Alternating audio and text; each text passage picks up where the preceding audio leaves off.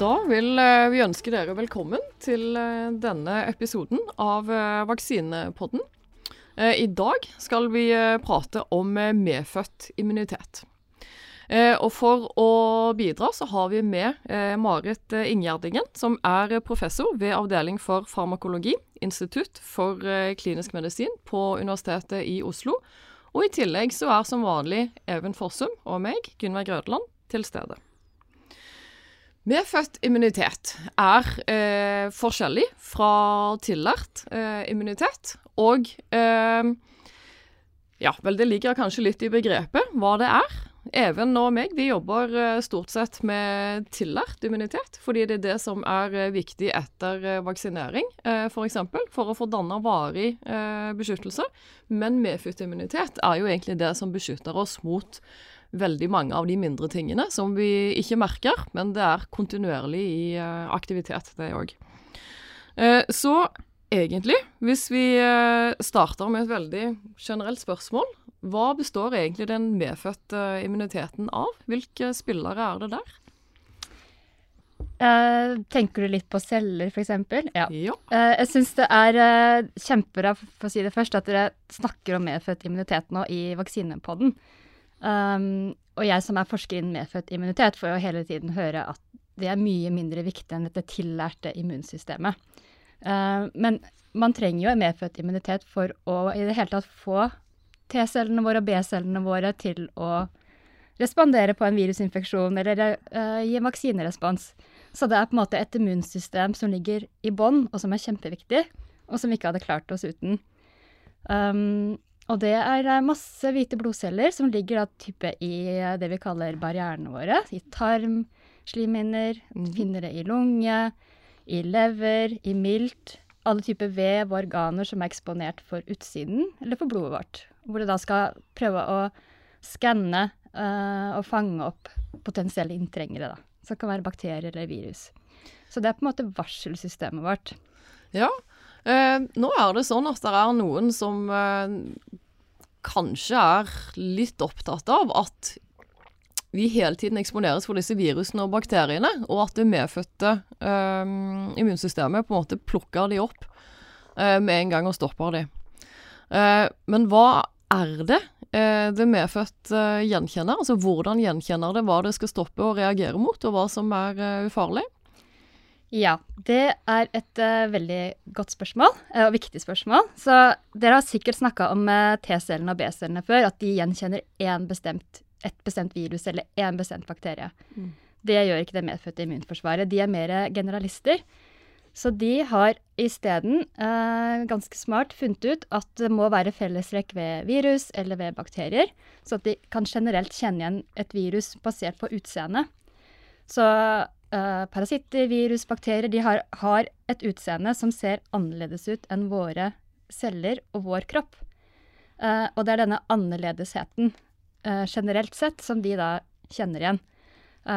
og det kan være sukkerstrukturer, proteinstrukturer, fettstrukturer som da er annerledes. Og så har disse hvite blodcellene, som er en del av det medfødte immunforsvaret, de har det som kalles reseptorer. Um, og det er uh, små Hva skal vi kalle det? Har dere noe godt populærvitenskapelig uttrykk for reseptor? Um, ja, det er reseptor. Det er det, det som binder til uh, ting. Finne ja. ut hva som er i omgivelsene. Ja. Så det er, det, er små, det er, sånne små, armer som sitter på utsiden av cellen, og så skanner de omgivelsene. Mm. Og så hvis de da finner uh, en annen struktur som er annerledes, så reagerer de. Og dette kalles da på engelsk pattern recognition receptors, altså mønstergjenkjennende reseptorer. Så de mm. gjenkjenner mønster. Um, og så har vi også et uttrykk på, på, det som er annerledes, for de som er interessert i disse immunologibegrepene, og det kaller vi da PAMP, pattern no, pathogen associated molecular patterns, tror jeg det var. Mm. Yep. Ja. ja, men vi bruker jo bare POMP, så hva det faktisk står for, det vet vi, men det er ikke alltid vi husker rekkefølge. Sånn er det. Eh, absolutt. Eh, men altså, dette immunsystemet, det er jo eh, ganske effektivt på mange måter. Eh, sånn som du sier, når eh, det kommer virus eller eh, bakterie, og det faktisk da gjenkjenner disse strukturene på overflaten, enten det er sukker eller strukturer som er typiske for virus og bakterier, eh, så tar det jo da og eh, de facto hindrer denne bakterien eller viruset i å formere seg videre. I mange tilfeller. Hvordan gjør det det? Disse cellene, vi kan jo gi dem noen navn, da. De heter bl.a. nøytrofile, og de heter makrofager, bl.a. Uh, og det er de som virkelig rydder opp. Og de har da evnen til å ta tak i f.eks. et virus eller en bakterie, og så tar de og suger det inn i seg. Uh, inn i sitt indre, og så destruerer de da viruset og bakterien og ødelegger det. Uh, og dette er de ganske effektive til. Og et, på engelsk eller latinsk eller hva det blir, så heter denne egenskapen å fagosytere, mm. å spise. Så de er altså utvikla for å spise virus og bakterier og andre fremmede ting, og rense opp i kroppen vår. Mm. Men, men, så er det jo sånn at det er jo ikke uh, alltid like effektivt, og de kan jo bli overmanna. Og derfor så er det tillærte immunsystemet så veldig viktig. Hvor de da virkelig effektivt, disse T-cellene og B-cellene, kan komme inn og virkelig rydde opp. Mm. Men de er veldig viktige for den, eh, den tidlige opprydningsfasen, og også bare holde småinfeksjoner, hva man skal kalle det, i sjakk. Det var som, som, du var inne på, på litt i stad også, disse, disse, signalmolekylene som sendes ut når, det, altså når, man oppdager smitte. Så ved når disse cellene da som ser at okay, her er det et eller annet virus eller en bakterie som da har kommet inn, Uh, og så får man jo nærmest et sånn nabovarselsystem som da går fra den, den cellen ut til alle, alle cellene i, i området, mm. for å advare om at nå er det liksom fare på ferde. Og det som nesten er litt sånn fascinerende, at da har jo disse altså lungecellene våre har jo også evner til å uh, påvirke altså muligheten for å bli smitta. Og der de nærmest sånn kan stenge ned den der muligheten for å produsere proteiner, mm. som selvfølgelig f.eks. virus er avhengig av for å lage nye kopier av seg selv når de skal smitte.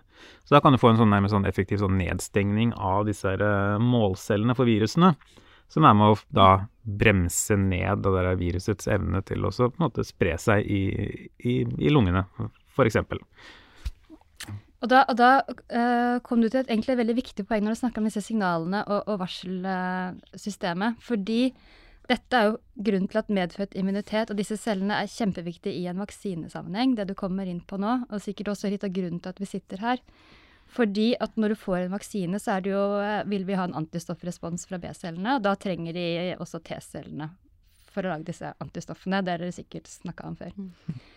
Men for at disse T-cellene og B-cellene skal jobbe, så må de bli satt i gang. Og det er det medfødte immunsystemet som gjør. Mm. Um, fordi for eksempel, dette er jo deres spesialfelt, men når du da får en uh, infeksjon eller en vaksine satt inn i vevet ditt, så vil da disse hvite, medfødte immuncellene våre de vil da respondere på det. Og så lager de dette varselsystemet. Mm. Og så sørger de da for at T-cellene og B-cellene blir varsla. Og vi har da det har dere også sikkert snakka om at vi har en spesiell type som heter dendritiske celler, mm. som da vandrer til lymfeknuten, og så setter i gang prosess der. Mm. Det har dere sikkert snakka om før. Ja, ikke så detaljert, men uh, ja. Det viktige er jo Disse har veldig nært uh, samspill, uh, som du sier. og på en måte, hvis vi skal ta oss oppsummere tidslinjen, så har du altså det medfødte immunsystemet som ligger klart kontinuerlig. Så når du faktisk møter noe, så er det der klar til å prøve å gjenkjenne mønster. og så når det kommer noe, så vil du, som du sier, så vil det medfødte immunsystemet òg fortelle det tillærte immunsystemet at hello, her er det noe du bør gjenkjenne som fremmed og respondere på. Og det skjer eh, bl.a. med disse dendritiske cellene. Nei, det, altså, du nevner jo nå med den tidslinjen her, at det er kanskje et av de, de, et av de viktige poengene her med, med det medfødte mm. immunforsvaret. At det, det, tar jo tid å få i gang T-celler og B-celler. Uh, og fra de, enten man får en vaksine eller man smittes, så går det jo en viss periode før man begynner å få på plass dette tillærte immunforsvaret vårt. Uh, og vi har snakka vel så vidt om det sist, at det, det kunne ta en, ukes, gjerne i hvert fall en uke, eh, gjerne to, eh, for eksempel fra man får vaksinene til man begynner å få antistoffresponser, og til man begynner å bli beskyttet, eksempel da mot uh, denne covid-19, mest aktuelle eksempelet akkurat nå. Um, så, så, i denne perioden, da, fra man har blitt f.eks. smittet av en, et virus eller en bakterie, fram til man har fått på plass T-cellene og B-cellene, så er man jo egentlig åpen for infeksjon. Mm. Så hadde det ikke vært da for dette medfødte immunforsvaret som klarer å rett og slett bremse opp og, og blokkere denne initielle smitten. Så det er jo mm. uh, det der førstelinjeforsvaret vårt uh, spiller jo en veldig, veldig viktig rolle der. Mm. Det, mm. Nei, de, de, er, eh, de, kan se nesten på det som en slags Det er på en måte celler man ikke Eller mennesker man ikke tenker så mye over, som er veldig viktig for å, å holde kroppen i gang og, og rydde opp. Uh, men den, den, den, uken da, som du snakker om nå, før T-cellene og B-cellene kommer skikkelig i gang. Eh, nå har vi jo snakka om dendritiske celler og, og makrofager, nøytrofil er veldig viktig. Også dette med å f.eks. spise opp bakteriene og holde rent så godt de kan. Um, men når vi er inne nå på medfødt immunitet, så finnes det også ganske mange andre celler også som har litt sånne medfødte egenskaper. Som er litt sånn hybrid, hybrider, egentlig, mellom de tillærte og de medfødte og som også er kjempeviktige i dette tidlige immunforsvaret vårt, uh, før spesialistene da kommer inn. Mm. Ja, for uten det medfødte så hadde vi slitt. Uh, men uh, så kan man jo på en måte egentlig da lure litt på, siden jeg er adaptiv immunolog, så må vi jo nå forklare hvorfor det adaptive er viktig. og det er jo fordi selv om det medfødte er superviktig, så er det en del virus og bakterier som rett og slett er såpass sterke at de eh, ikke klarer å bli holdt i sjakk av eh, det medfødte immunsystemet. Det bidrar, men det er ikke en tilstrekkelig løsning. Og der er nettopp denne her samtalen mellom det medfødte og det adoptive viktig, sånn at man får satt i gang kraftige og spesifikke immunresponser i tillegg, som kan ta ett bestemt virus. Det er jo det vi trenger eh, nå mot uh, SARS-CoV-2. Men du sier at det er andre celler i uh, dette medfødte immunsystemet, og en av de jeg syns er egentlig skikkelig interessant uh, i det medfødte immunsystemet, som det òg har vært litt snakk om uh, nå under SARS-CoV-2, er disse NK-cellene, altså natural killer cells. som egentlig Vel, navnet i seg selv er jo litt interessant, og indikerer at dette er noen morsomme celler. Det er veldig kult navn. Jeg er veldig fornøyd med de som fant opp at de cellene skulle hete Natural Killers. Mm. Uh, altså det er faktisk de cellene jeg jobber med, da, som jeg er uh, ekspert på. Mm. Uh, og det er de cellene som jeg kalte litt sånn hybridceller. Så de har jo ikke disse adaptive, tillærte spesialistfunksjonene til uh, f.eks. T-celler. men, de har, også, men de, har, de har litt av den egenskapen. og samtidig som de er viktig det tidlige immunforsvaret. det som er kult med NK-celler, er at de eh, har lært seg å finne ut hvordan en celle er blitt eh, infisert med f.eks. et virus. Um, fordi når en celle blir infisert, så blir den syk. Mm. Akkurat som at uh, du føler syk når du har influensa, så er også cellen syk. Og da ser cellen litt pjusk ut.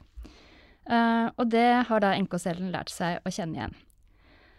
Og vi snakka nå tidligere episoden om eh, sånne mønstergjenkjenningsreseptorer som makrofager og nøytrofile har. Eh, og det systemet bruker ikke NK-cellen i samme Det er ikke samme system. De er litt mer sofistikerte. Eh, og en av greiene er at eh, eh, det, det, er et eh, molekyl som alle cellene i kroppen vår uttrykker, som heter HLA eller MHC, og som dere sikkert har snakka om før. Og det er veldig viktig for B- og T-cellene at å, å, kjenne igjen det molekylet, for det kan indikere om en celle er frisk eller infisert. Ja, bare for å skyte inn der. Det er de molekylene som hele tiden driver og presenterer for omgivelsene hva cellen har eh, inni seg. Både av eh, proteiner som er der naturlig, og virus og lignende. Sånn at det driver og gir et bilde hele tiden til eh, omgivelsene hvordan den cellen har det. Det er riktig, ja. Mm. Uh, og derfor så er det veldig viktig kan det være en fin strategi f.eks. For, for virus å sørge for at disse MHC-molekylene ikke kommer ut på overflaten av cellen. Fordi eh, når du får et virus inn i cellen, så vil disse MHC-molekylene begynne å vise fram virusbiter. Og det er veldig dumt. Fordi da vil uh, da vil immunsystemet drepe disse infiserte cellene, og da tar du livet av viruset samtidig. Det er kjempedumt fra et virusperspektiv. Så det er veldig mange virus som da har utvikla strategien om at da skjuler de disse molekylene, sånn at T-cellene blir blinde. Yep. Det er kjempesmart. Ja, det er kjempesmart. Men da har vi NK-cellene. Mm. For de har skjønt greia. At eh, her har vi et smutthull. Så de har lært seg å kjenne igjen celler som mangler MHC. Eh, for det er jo et varseltegn. Og de tar da livet av sånne celler. Mm. Um, Det er jo egentlig et ganske godt eksempel på at immunsystemet har skjønt at virus driver og lurer de, og vi prøver å lure de tilbake. Med å gjenkjenne fravær av markørene. Ja, nei, det er jo en sånn, sånn kontinuerlig evolusjonsmessig kamp her i forhold Mm. til eh, Virus utvikler nye eh, lurestrategier for å prøve å omgå immunforsvaret vårt, og så må immunforsvaret vrt eh, respondere på det. Og som du sier, altså NK-cellene er jo et supert eksempel Mm. på hvordan man har, han har utviklet en sånn en, en smart måte å omgå hele den der eh, Ja. problemet med, med at, man, at virusene skjuler uh, MHC-molekylene. Og så, og så er det sånn at eh, jo mer man har Nå har man studert NK-cellene vet ikke, i eh, 50 år. De ble oppdaga på 70-tallet. Og, og i de første tiårene så, så, så tenkte man at det var det her som var det geniale med NK-cellene. At de gjenkjente dette manglende uh, molekylet på overflaten av cellene. Men så har det blitt oppdaga at de er enda mer avanserte. De har også andre strategier. Og det har sikkert også utvikla seg litt som det du sier, Even, i denne kampen mellom viruset og immunsystemet. Uh, fordi NK-cellene, de, de har på en måte Jeg må bare forklare litt hvordan NK-cellene funker.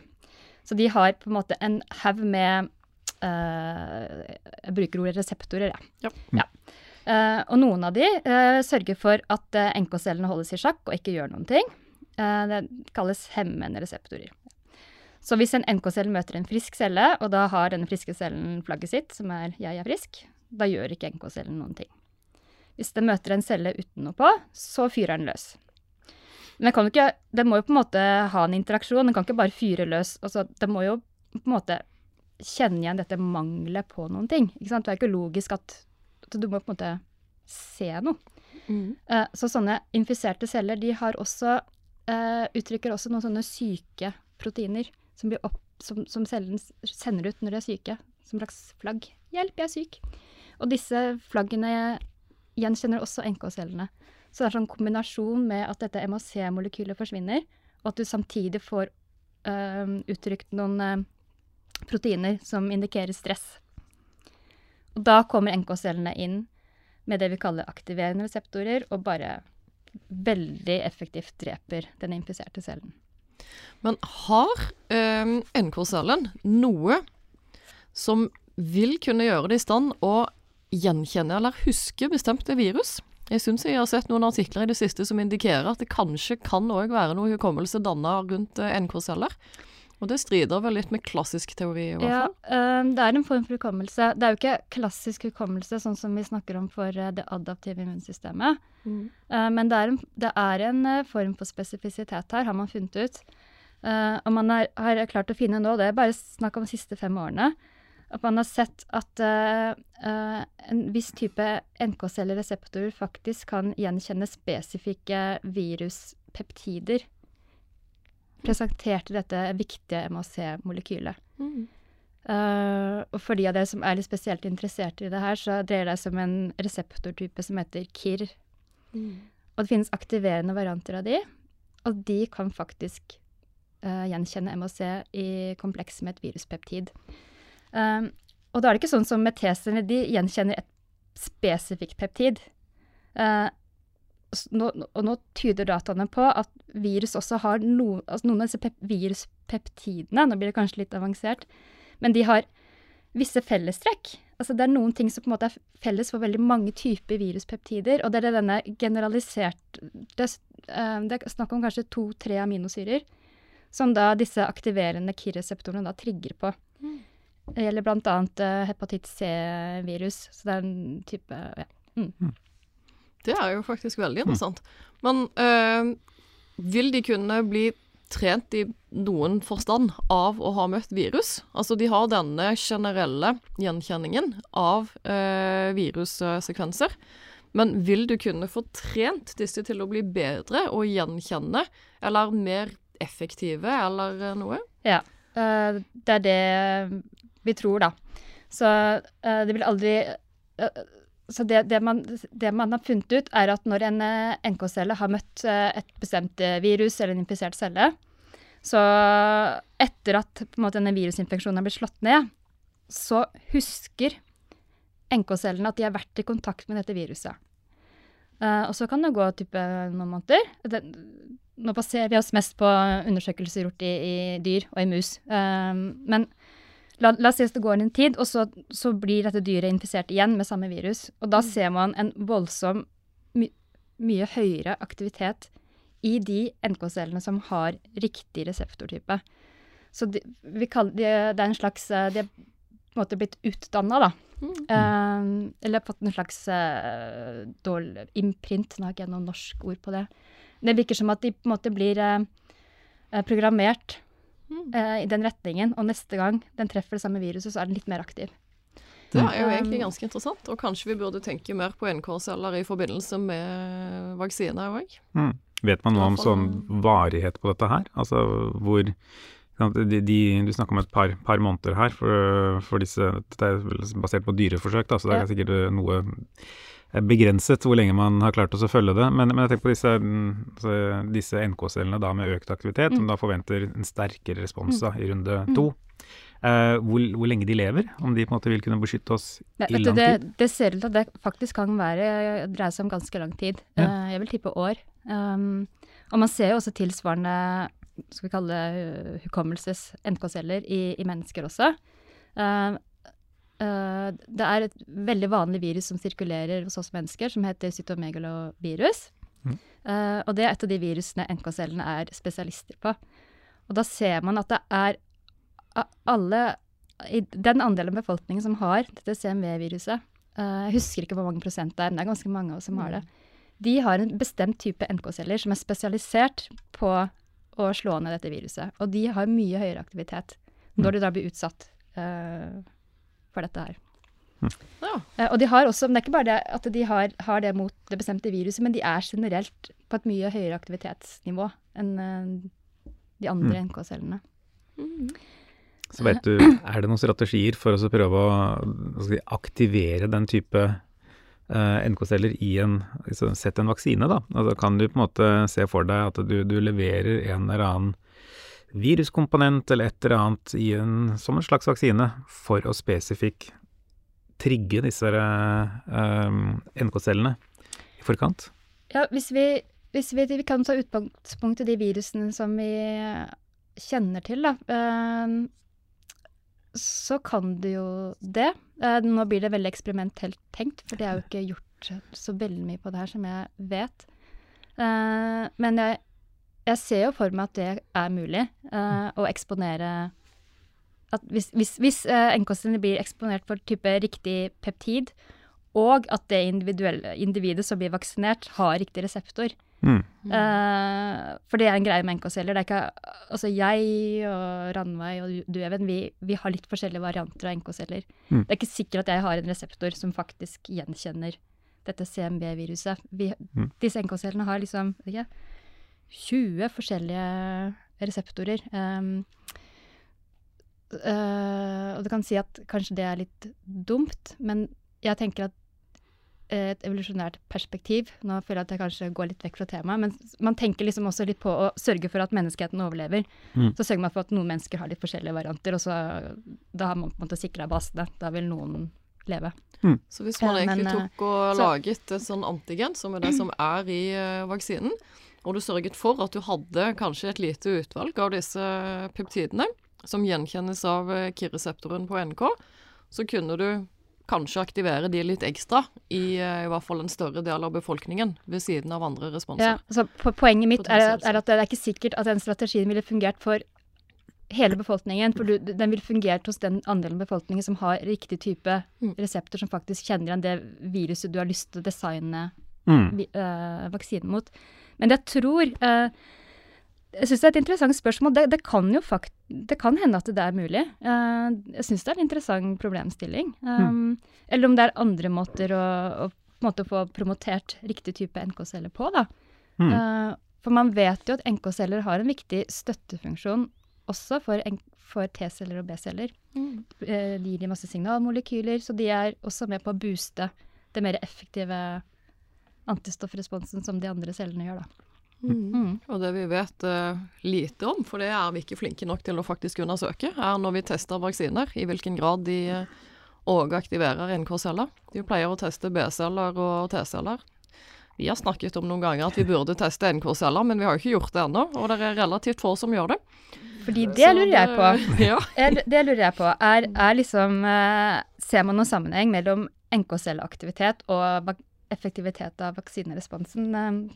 Mm. Jeg, jeg kan for lite om vaksiner, men jeg syns det hadde vært veldig interessant å kunne noe om. Ja, Mm. og det burde vi absolutt se nærmere på. fordi det er jo sånn, jo mer man eh, Det har vært en revolusjon innen eh, immunologi eh, de siste årene. Eller det har vært en kontinuerlig revolusjon, fordi man lærer stadig veldig mange ting. Og jo mer vi lærer, jo mer ser vi jo hvor komplekst ting er, Mm. og òg at det henger sammen i et mye større nettverk enn det vi egentlig eh, hadde sett for oss. Mm. Og det er jo derfor det gir liten mening å prate om eh, medfødt uten tillært immunitet og motsatt. Mm.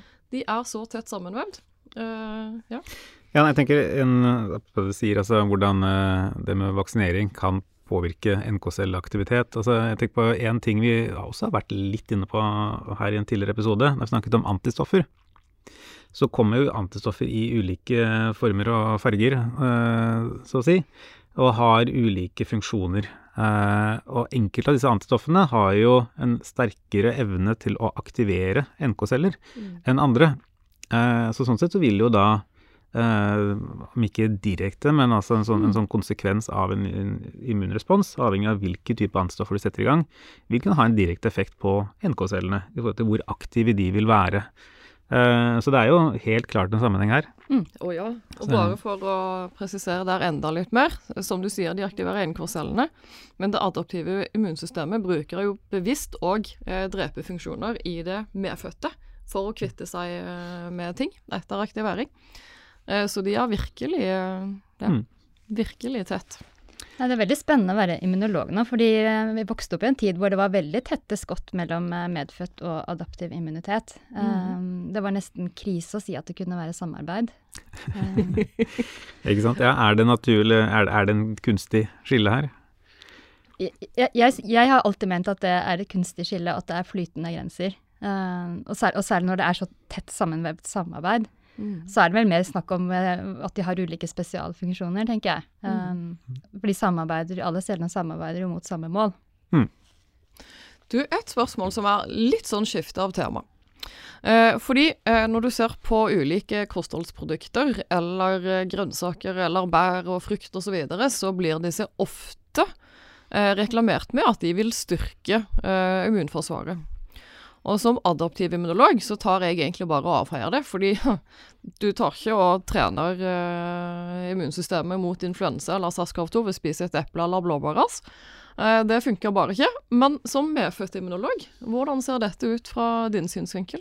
Nei, jeg må bare si at jeg er like skeptisk som deg, da, Ja. i utgangspunktet. Eh, og så har jeg, må jeg også si at eh, jeg skal ikke sitte her og være negativ, fordi jeg tror jo at riktig ernæring er viktig for å sørge for at vi har eh, optimalt eh, fungerende kropp og dermed også immunsystem. Um, og så vet vi jo også at det er eh, eh, Hvis vi nå snakker om mat, da, så um, spiser vi det, og det, vi vet jo at tarmens mikroflora har veldig stor betydning for eh, sammensetningen av immunsystemet vårt. Så vi skal jo ikke være veldig avfeiende til det hele. Uh, og vi veit at uh, f.eks. fiber det påvirker eh, noen typer bakterier til å produsere noen stoffer eh, som heter short chain fatty acids. Eh, Jeg vet ikke hva det heter på norsk. Eh, korte fettsyrer. fettsyrer. Små fettsyrer. Ja. Og disse er eh, kjempeviktige for eh, immuncellene som ligger i tarmen. Eh, og sørge for at de har helt optimal funksjon i å passe på at eh, tarmens slimhinne er optimalt satt sammen, og dermed opprettholde en beskyttende funksjon. Uh, så det, og det vet man. Uh, gir du antibiotika f.eks. og slår ut uh, mikrofloraen i en tarm, så ville det også da påvirke immunsystemet ditt. Um, Mm. og, og i og med at, denne, at mikrofloraen er så viktig for oss, så selvfølgelig vil jo da hva vi putter i oss, ha betydning. Men jeg tenker at det er, vi er ikke helt der at vi kan si nøyaktig hva det er som er bra, og hva som er dårlig. Eh, og jeg er veldig skeptisk til dietter, som gjør at du pusher hva du spiser i en bestemt retning. Vi, vi er, jeg føler at vi er ikke helt der at vi kan si nøyaktig hva det er som er bra for immunsystemet vårt. Mm. Uh, og nå skal ikke jeg Men nå har jo Anne Spurkland skrevet en bok om det her, så hun har sikkert veldig mange meninger om det her. Uh, og en av de tingene hun har sagt, er at hvorfor skal vi altså, Vi må ikke alltid tenke at folk sier 'hva skal jeg spise', et eller annet, et eple. Jeg, eller jeg skal spise blåbær, for det styrker immunforsvaret mitt. Um, uh, jeg skjønner at det høres veldig bra ut, um, men som hun også har sagt, vi har, det er veldig mange i befolkningen vår som sliter med ulike typer autoimmune lidelser. Mm. Det kan være astma, eksem, altså alt, alt mulig rart. Og det er jo immunsystemet vårt som er overaktivert. Mm. Uh, og da vil vi kanskje ikke alltid styrke det. Nei, nei, nei. Vi har vært inne på det flere ganger, at immunsystemet vårt det trives best i en balanse mellom aktivering og demping. Ellers så går det galt. Mm. Det må være en balanse. Uh, ja, du var bare bitte litt innpå uh, et tema som egentlig òg er interessant. Så hvis vi tar bare to setninger om det helt eh, på slutten, for nå begynner vi å prate en stund, tror jeg. Eh, men det er på en måte denne bakteriefloraen vår. Eh, fordi vi har jo på en måte, uh, som du er inne på, vi har flere bakterier nærmest i kroppen vår enn vi har celler. Og der er uh, dette medfødte immunsystemet kritiske. Men der er det mye vi ikke vet ennå. Og det jobber jeg med, og det er kjempespennende. det finnes mange medfødte immunceller som nå dukker opp på radaren, og som vi jobber med på, på universitetet. Vi tar en eh, ny episode om det vi en gang, fordi det er eh, skikkelig kult. Eh, Så egentlig for å oppsummere, så vil vi selvsagt anbefale alle å spise sunt og godt, fordi det vet vi at hjelper mot alt mulig, men kanskje ikke akkurat immunsystemet. Eh, tusen takk for at dere fulgte oss i dag. Eh, tusen takk til Morten Skoglund fra seksjon for medisinsk informatikk, som hjalp oss med det tekniske. Og håper dere har en fortsatt fin sommer. God sommer.